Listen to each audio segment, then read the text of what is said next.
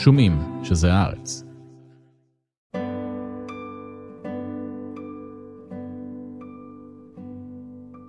שוליית הקוסמת, מאת תמר הוכשטטר.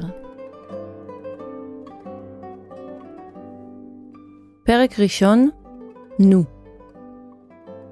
בהתחלה הוא היה רק נו. הוא זכר איך הקוסמת הייתה קוראת לו. נו, נו. הוא הפך להיות נוח ביום שבו התחיל לעבוד כעוזר במופע של הקוסמת הגדולה מומביזן. הקוסמת הגדולה היא שהעניקה לו את האות הנוספת.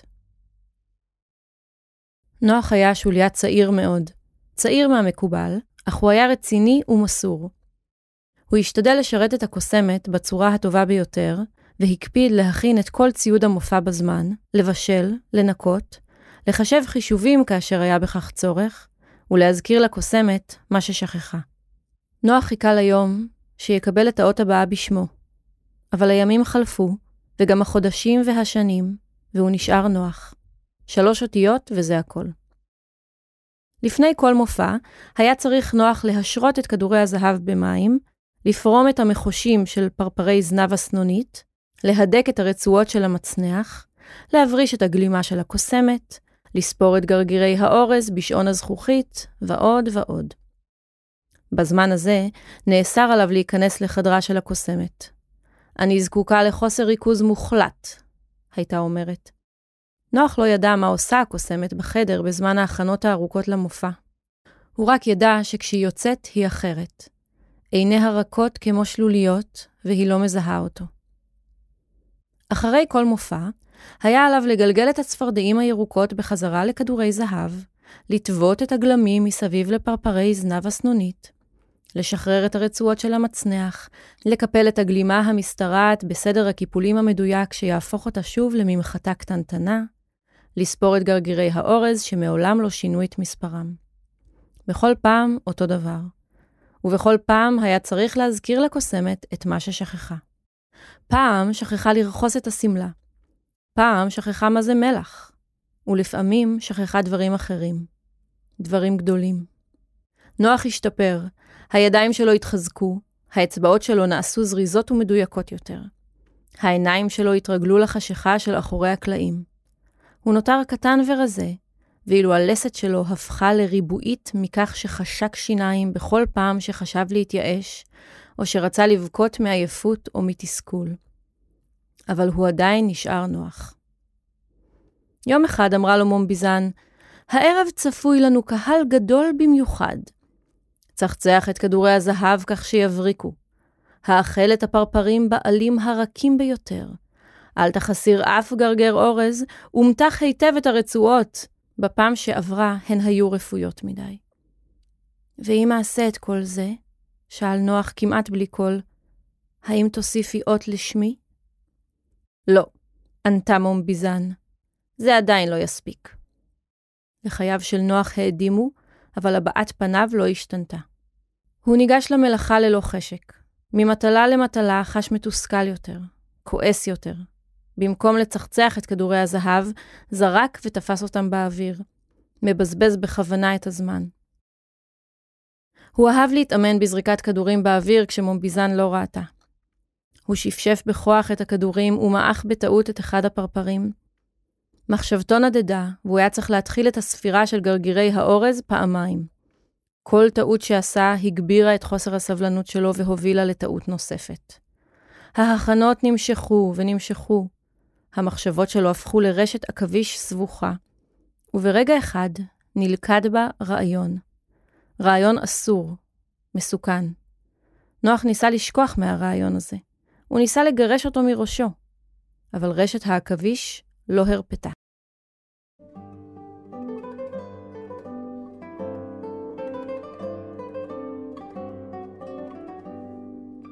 פרק שני, הפיל בכף היד.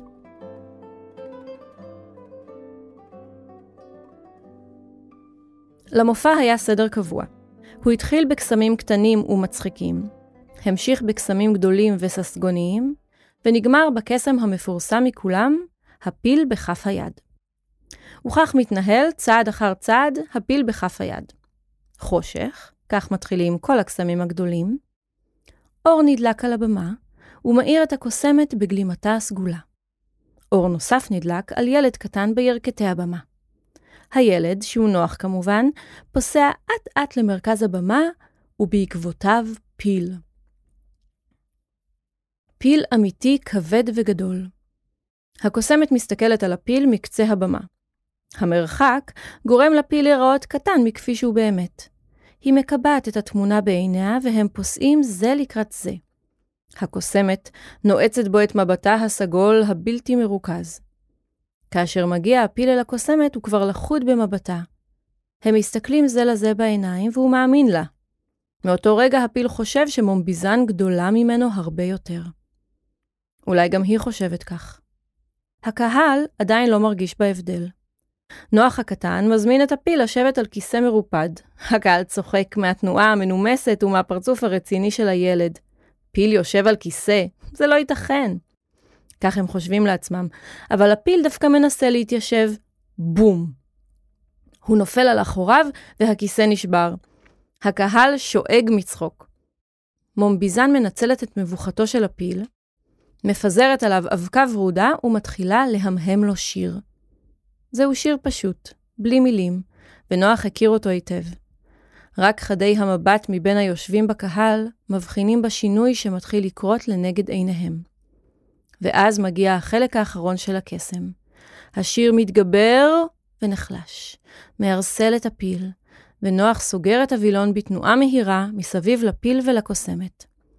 האור מתעמעם, וברגע הבא, כשהאור שוב עולה, פותח נוח את הווילון. לכמה שניות יש שקט מתוח באולם. הקהל מחפש את הפיל הגדול, שרק לפני כמה רגעים מילא את הבמה בגופו האפור. ואז פתאום נשמעת צעקה מהקהל, הנה הוא, על כף היד! הקהל משתולל, איפה? איפה? הנה, את רואה? נכון, בחיי. בן רגע קמים כולם על רגליהם, המבוגרים מרימים את הילדים, וכולם מריעים מרוב התלהבות. לא יאמן, הפיל הוא כעת פילון. פיל פילוני היושב כמו גור חתולים מתפנק על כף ידה של מומביזן. מחיאות הכפיים נרגעות, והמסך יורד ושב ועולה. הקהל מוזמן, בעד תשלום נוסף, לעלות לבמה לפי התור, לכבד את הפיל הזעיר בשברי בוטנים, ולשמוע איך הוא מחצצר בקול מצחיק בעזרת החדק הדקיק שלו. הפיל בכף היד הוא גאוותה של מומביזן. הקסם היחיד במופע שהוא פיתוח מלא שלה מההתחלה ועד הסוף. עבודה של שנים. הייתה נאנחת בסיפוק בזמן שהברישה את שערה האפור הארוך. שנים על גבי שנים. אבל כיום, מי שהשקיע את מירב העבודה למען הצלחת הפיל בכף היד, היה נוח. הוא הלך לגן החיות המקומי ביום שלפני המופע כדי לקבל את הפיל. הוא הבריש וצחצח אותו. הוא השקע אותו בשיקוי מר כדי שירוקן את מאיו, ושמר שאיש לא יגיש לו ולו בוטן עד תחילת המופע. הצום, של הפיל ושל הקוסמת גם יחד, היה קריטי להצלחת הקסם. ואז, בבוקר למחרת המופע, היה נוח קם מוקדם, לפני זריחת החמה, ומחזיר את הפיל לגודלו המקורי.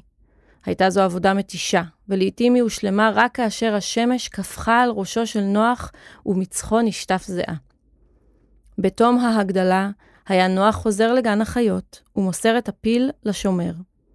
ואז, תמיד באותו נוסח, הוא היה אומר, תודה על הפיל, הקוסמת מוסרת שהוא יהיה מבולבל, ואולי קצת עצוב ביומיים הקרובים.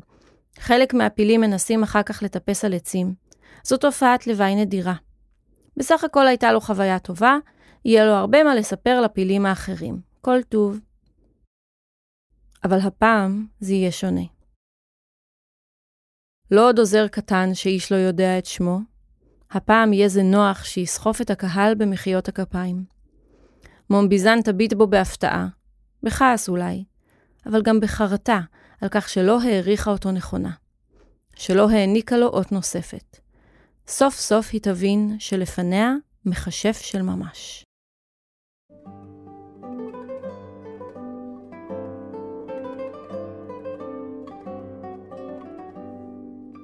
פרק שלישי, השיר הלא נכון.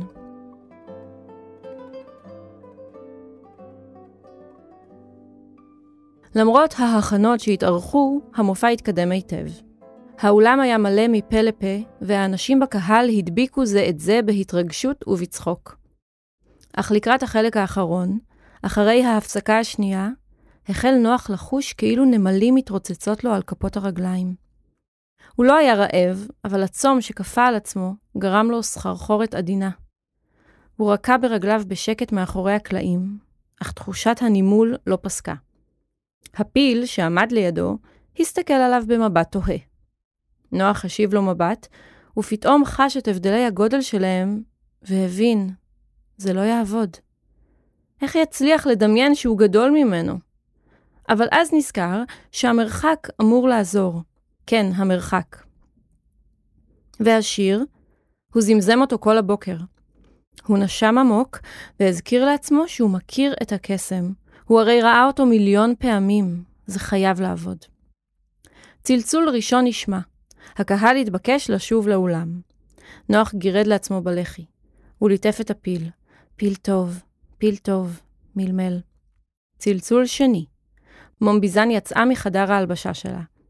נוח נטש לרגע את הפיל ומיהר אליה ומברשת בידו. הוא הבריש את השמלה שלוש פעמים, אחת בגב ושתיים מקדימה. הייתכן שהקוסמת הסתכלה עליו? בדרך כלל מבטה הזדגג לפנים עד אשר נכנסה לבמה. וכעת נדמה היה לו שהיא עוקבת אחר תנועותיו בעיניה. אבל באפלה של אחורי הבמה הוא התקשה להחליט. הצלצול השלישי נדם והמסך נפתח. מומביזן התקדמה זקופה לעבר האור והותירה את נוח מאחור, בחשיכה. אחרי הקטע הזה נכנסים, אמר נוח לפיל. הפיל לא הגיב. נוח אחז בחבל, וכששמע את האות המוזיקלי המוכר, צעד לעבר הבמה. הפיל לא זז. החבל נמתח ביניהם. נוח ידע שזה עלול לקרות, המטפל של הפילים אמר לו שהפיל הזה עושה לפעמים דווקא. למקרים כאלה בדיוק, נתן לו המטפל בוטנים ממותקים שהפיל אהב במיוחד.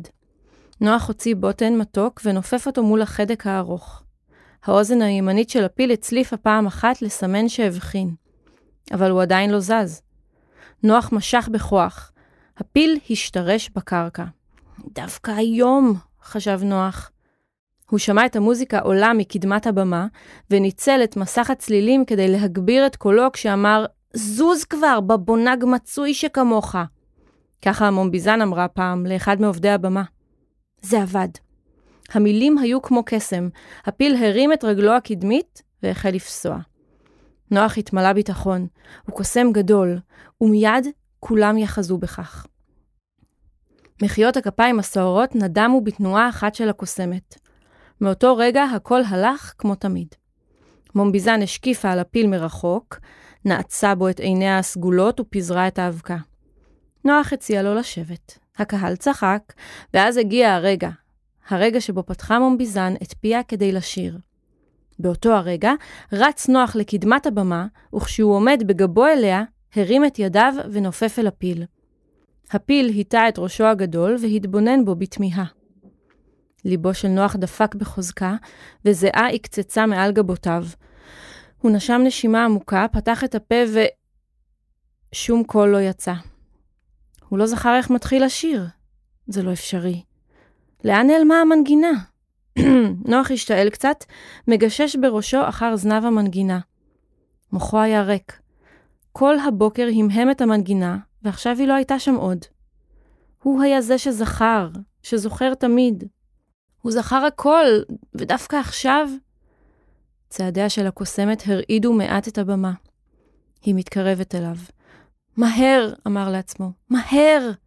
סוף סוף, בקול רועד, בקע שיר מפיו. גופו הגדול של הפיל מילא עתה את כל שדה הראייה שלו, וגם את מוחו. רק אחרי זמן, שניות ואולי דקות, שמע שהשיר שהוא שר הוא לא השיר הנכון. שיר אחר הוא שבוקע מגרונו, אחר לגמרי. עכשיו כבר היה מאוחר מדי לסגת.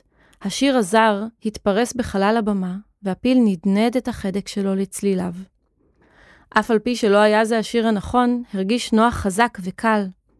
השיר זרם ממנו כמו מי מעיין, וההרגשה הייתה כה חדשה עבורו, עד שכמעט צחק. החיוך כבר החל להתהוות על שפתיו, כשקטיפה סגולה חצצה פתאום בינו ובין הפיל, בינו ובין עצמו. מומביזן. היא הייתה הר חשוך וזועם. שני קווים נחרצו בזוויות פיה ובין גבותיה ושיוו לה מראה מכוער ומפחיד. מלמולים עלו מהקהל. עיני הקסם הרכות שלה החלו להתחדד מול עיניו של נוח. הוא בהה בהן בסקרנות, שוכח היכן הוא נמצא ומדוע. הוא ראה איך השוליים המטושטשים של האישונים מתייצבים בחזרה במקומם. אבל תוך כדי כך המשיך השיר לזלוג מפיו, באותה מנגינה מעט מוכרת, שלא ידע מניין באה. הוא לא היה מסוגל לעצור. הוא העביר את מבטו אל הפיל. משהו משונה קרה לחיה הגדולה. משהו השתנה בה. אבל מה? נוח לא הצליח להבין. הפיל לא נהפך לקטן יותר. אולי משהו בצבע? גופו הגדול נראה קצת חיוור. נדמה שהצבע אוזל ממנו, כאילו הוא הולך ודוהה. אם רק יפסיק לשיר, אולי יוכל להתרכז, אבל השיר היה חזק ממנו. לא רק הצבע של הפיל החביר, גם הגוף הגדול, הריבועי, נעשה למין ערפל מטושטש. הדבר היחיד שנותרו לו קווי מתאר ברורים, היה החדק המתנדנד לקצב המנגינה. נוח נאחז בתווים האחרונים של המנגינה, ולפתע, בדממה רועמת, כמו צעקת חלום אילמת, הגיע השיר לסיומו. פיו של נוח נותר מעט פתוח. הוא בהה בעננת הערפל הלבן שמולו. קולות מכיוון הקהל העירו אותו מקיפאונו. הוא רצה לברוח, אבל מבטה של הקוסמת מסמר אותו אל המקום. גם בה משהו השתנה, אבל מה? ההבנה שלו התמוססה כמו הפיל.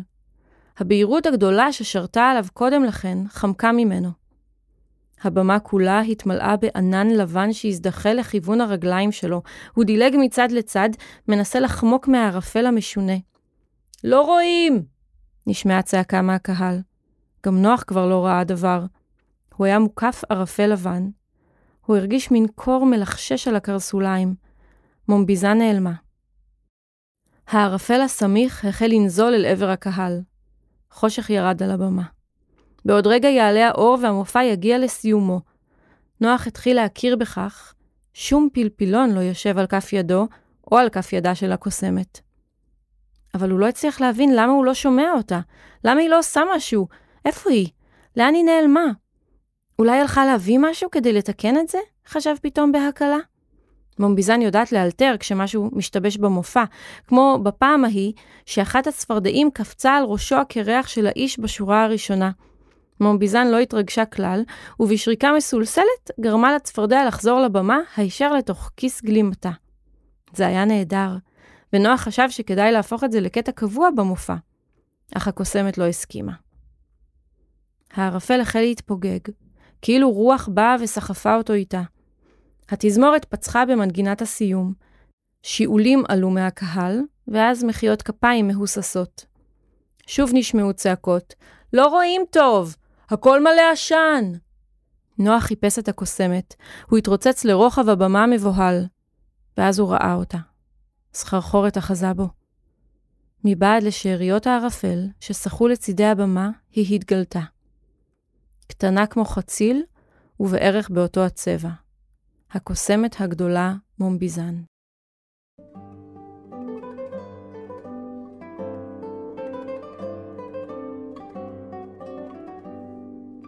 פרק 4 ילד שעצם נתקעה בגרונו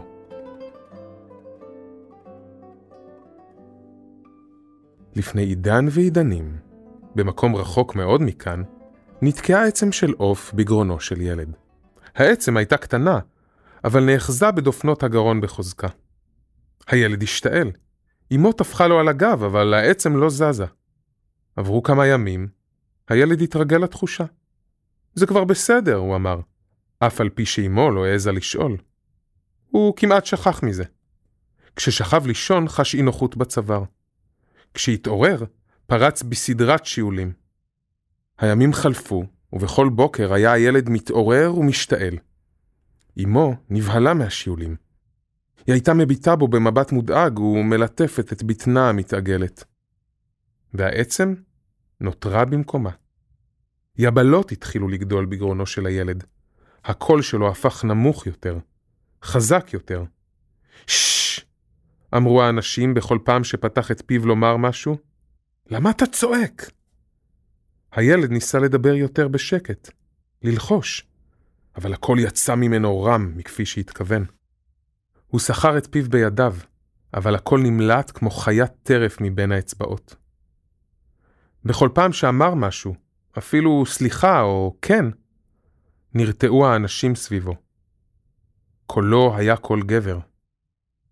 הילד התרפק על אמו, והיא ליטפה אותו בהיסח הדעת, אך כשפנה אליה בדברים, הדפה אותו ממנה בבהלה. הילדים בכפר התלחשו, סיפרו שהשתלט עליו שד מזיק. הילד הרכין את ראשו, חרד מהרגע שבו יפנה אליו מישהו בשאלה. לפעמים היה מפסק את שפתיו כדי לבקש דבר מה, ונעדף לאחור מעוצמת הקול וההפתעה. חלפו הימים וההפתעה הפכה לכעס. כעס על הקול המוזר, הנמוך, הלא מתאים, על אחיו התינוק שבכה בכל פעם שהילד דחף את ראשו להריסתו וגרגר אליו בשפת תינוקות. על האנשים שהגנו על אוזניהם, שייסו ששש, שצעקו שקט, שהתרחקו, שהתלחשו. כעס הילד וגדל. גדל וכעס.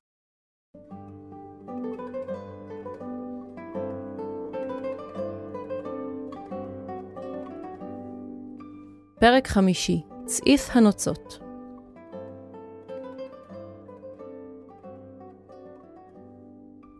הם נאלצו למכור את הקרון שלהם. מנהל גן החיות רתח מזעם. נוח עמד מולו בפנים מושפלים, נאחז בכובעו, כשהמנהל צרח, בושה וחרפה, בושה וחרפה. אלה היו שתי המילים היחידות שנאמרו בשפה שנוח הבין. מפלי המילים שקצפו מתוך פיו הרוטט של המנהל, נאמרו בשפת המקום. המתורגמן, שעמד ליד המנהל, לא טרח לתרגם אותן. בסוף, כשהתעייף ונחת על כיסאו האפור, הצליחו להגיע לסיכום. הקרון של הקוסמת יעבור לרשות גן החיות, המנהל חשב שהוא יכול לשמש בית חורף לבת היענה. נוסף לסכום כסף גדול, והמנהל לא יגיש תלונה על גנבת פיל. נוח חזר מגן החיות לבשר את תוצאות העסקה למומביזן. היא הייתה עושה את זה טוב ממנו. עסקאות ותשלומים היו באחריותה. העיניים הסגולות של הקוסמת גרמו לעומדים מולה לפקפק בעצמם, וכך תמיד הצליחה לקבל קצת יותר ממה שהציעו לה בהתחלה. אבל נוח היה רק ילד. ילד עם עיניים חומות. מאז לילה אתמול היא לא יצאה מהחדר שלה, והבוקר רק העבירה לו כמה משימות באמצעות פתקים שהשחילה מתחת לחריץ הדלת. נוח סירך את צעדיו. הוא רצה להתרחק מגן החיות ומפרצופו האדום של המנהל, אך המחשבה על הפגישה עם אומביזן שיקעה את רגליו באפר. ככל שחשב יותר על המופע וניסה להבין מה השתבש, כך גברה תחושת הכבדות שעל כתפיו עד שכמעט נפל.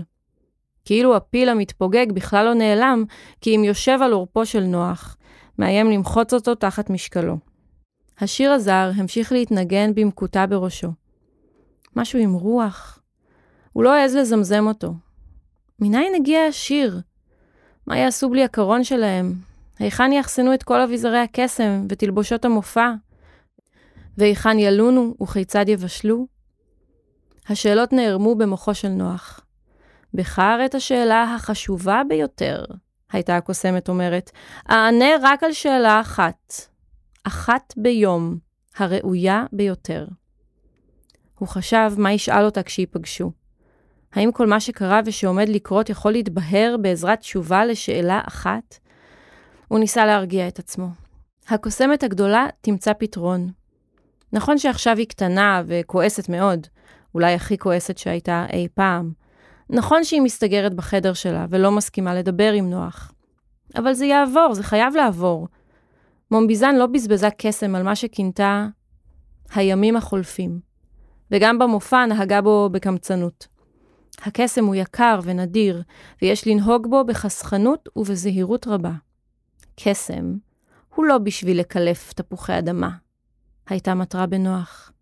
אבל עכשיו זה לא תפוח אדמה, חשב נוח. קוסמת קטנה היא לא תפוח אדמה. היא תקסום את הפתרון ותחזור לגודל שלה. הם יעשו שוב הופעות וירוויחו די כסף כדי לקנות את הקרון שלהם ממנהל גן החיות. אולי אפילו יקנו קרון טוב יותר, שבו מיטה שלא צריך לסגור כל בוקר מחדש. ואתה תוכל לשכוח מאות נוספת, לחש כל דק בראשו, לפחות למאה השנים הבאות. נוח דפק על דלת הקרון הירוקה. שום תגובה לא נשמעה. הוא הצמיד את אוזנו אל הדלת. לרגע דימה לשמוע יבבה ונבהל, אבל כשפתח את הדלת ונכנס לקרון, ראה שחדרה של מומביזן עדיין נעול, ולא בקע ממנו צליל. הוא ניגש בחשש אל דלת חדרה ואמר, מנהל גן החיות לא יגיש תלונה.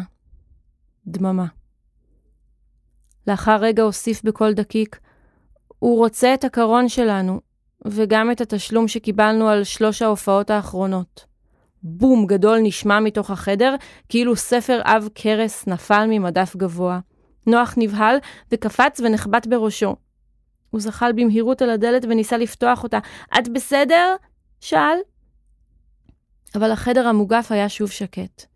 הוא דחק את עצמו אל הפינה בין הקיר לדלת ובכה חלושות. את בסדר, מומביזן? ליד רגלו בצבץ פתק בכתב זערורי ועקום. התחל לארוז. הוא חיכה להסברים, אבל כל פתק נוסף לא הגיע. לבסוף אסף את עצמו מהרצפה, ובעיוורים נוקשים החל לארוז את הבית. הערב ירד, וקולות הצרצרים גברו סביב הערימה ההולכת ומתרחבת מחוץ לקרון. נוח לא חשב עוד על מחר, או על מה יעלה בגורלם.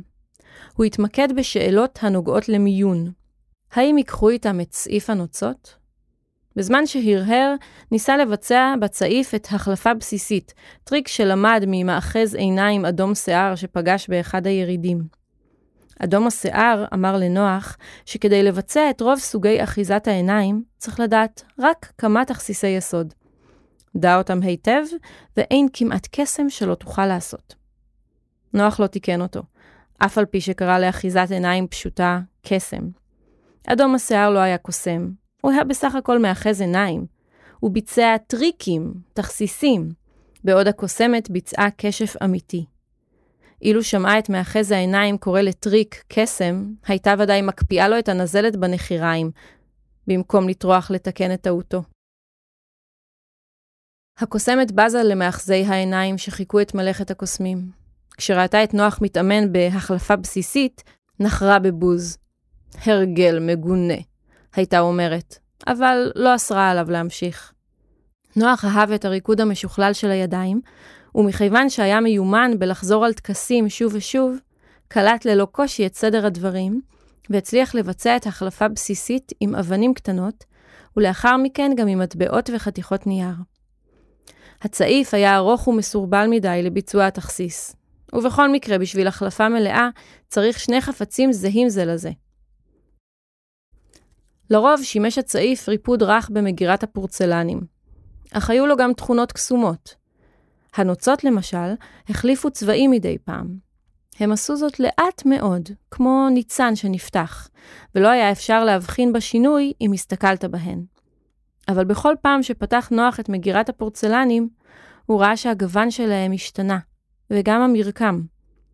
לעתים היו אפורות וצמריריות, כמו נוצות מחזה של גוזל, ולעתים קשות ומבריקות, כמו נוצות של עורב. מלבד נוצה אחת, זהובה וגדולה, שמעולם לא השתנתה, ובכל זאת הייתה היפה מכולן. הוא עמד מול הערימות שלפניו כשהצעיף בידו. הוא יבול בלעדיי. קולה של הקוסמת היה יבש כמו ענף, כאילו לא השתמשה בו שבועות ארוכים. נוח פנה לאחור. דמותה הננסית הצטיירה כצללית שחורה על פני הפתח המואר שמאחוריה. נוח לא ראה אותה מהרגע שנמלטה מהבמה והשאירה אותו עומד המום מול הקהל המבולבל. כעת עמדה מולו ונראתה קטנה אפילו יותר, קצרה כמו מזלג, דחוסה כמו ינשוף המתקרבל לקראת שינה. שערה האפור הארוך, שבמופעים הייתה קולעת לשלוש צמות, עטף אותה כמו שכמיה פרוותית. היא נראתה מוזר כל כך. ובכל זאת, שמח נוח לראות אותה. גם אם תכעס, גם אם תעניש אותו, כל דבר יהיה עדיף על ההסתגרות שלה בחדר. מה עם כל שאר הדברים? מומביזן לא ענתה. לאן אנחנו הולכים? ניסה שוב. לתקן את הטעות המפוארת שלך. אולי אפשר, אפשר אולי, אני יכול לנסות לעשות את ההגדלה, כמו שאני עושה לפיל. היא התבוננה בו בשתיקה. השתיקה התארכה, וככל שהתארכה, הרגיש כאילו מישהו מתקרב אליו עם מוט ברזל לוהט. הוא השפיל עוד את מבטו, מסתתר מאחורי טלטליו, עד שראה רק את כפות הרגליים. לבסוף שמע אותה מסננת, אני לא פיל ואתה לא קוסמת. הוא כבש הנחה. היא חזרה לקרון וסגרה את הדלת. נוח נותר בחשיכה. שארית כחולה של אור עוד נמזגה בה. טיפש, טיפש, טיפש, אמר לעצמו בליבו. אתה לא מכשף, ולעולם לא תהיה מכשף. הרסת הכל. אתה סתם שוליה קטן. קטן, קטן, קטן.